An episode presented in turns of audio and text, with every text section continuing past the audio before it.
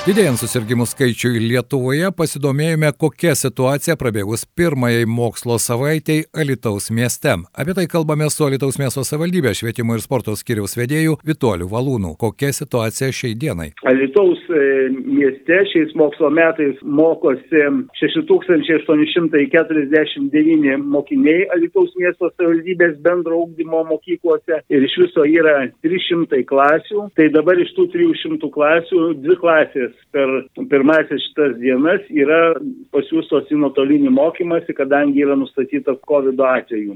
Da, o iki mokyklinio augdymo mokyklose, tai yra lopšeliuose, darželiuose ir mokyklose darželiuose yra 2730 vaikučių ir yra 148 grupės. Tai iš tų 148 grupių e, šiuo metu yra viena grupė šiandien pasiūsta į, į nuotolinį ūkdymą, todėl kad irgi yra nustatyta COVID atvejais. Tai taip, kad e, situacija mūsų mieste kol kas nėra bloga, tačiau ateitis ir perspektyva priklausys nuo to, kaip mes sugebėsim visi elgtis atsakingai taip. toje situacijoje, kuri neišvengiamai blogės tiek šalies mastu, tiek mūsų mieste. Tai be abejo, kad, kad tai bus ir čia turim ruoštis ateityje didesniems skaičiams, nes matom šalies, stebim kiekvienos dienos susikretimų skaičių, stebim mirčių skaičių, jisai nuosekliai auga, šita, šitie skaičiai nuosekliai auga. Buvo kalbama apie tai prieš mokslo metus ir ministerija taip kalbėjo, jog galbūt ne visą klasę siūsti į nuotolinį, o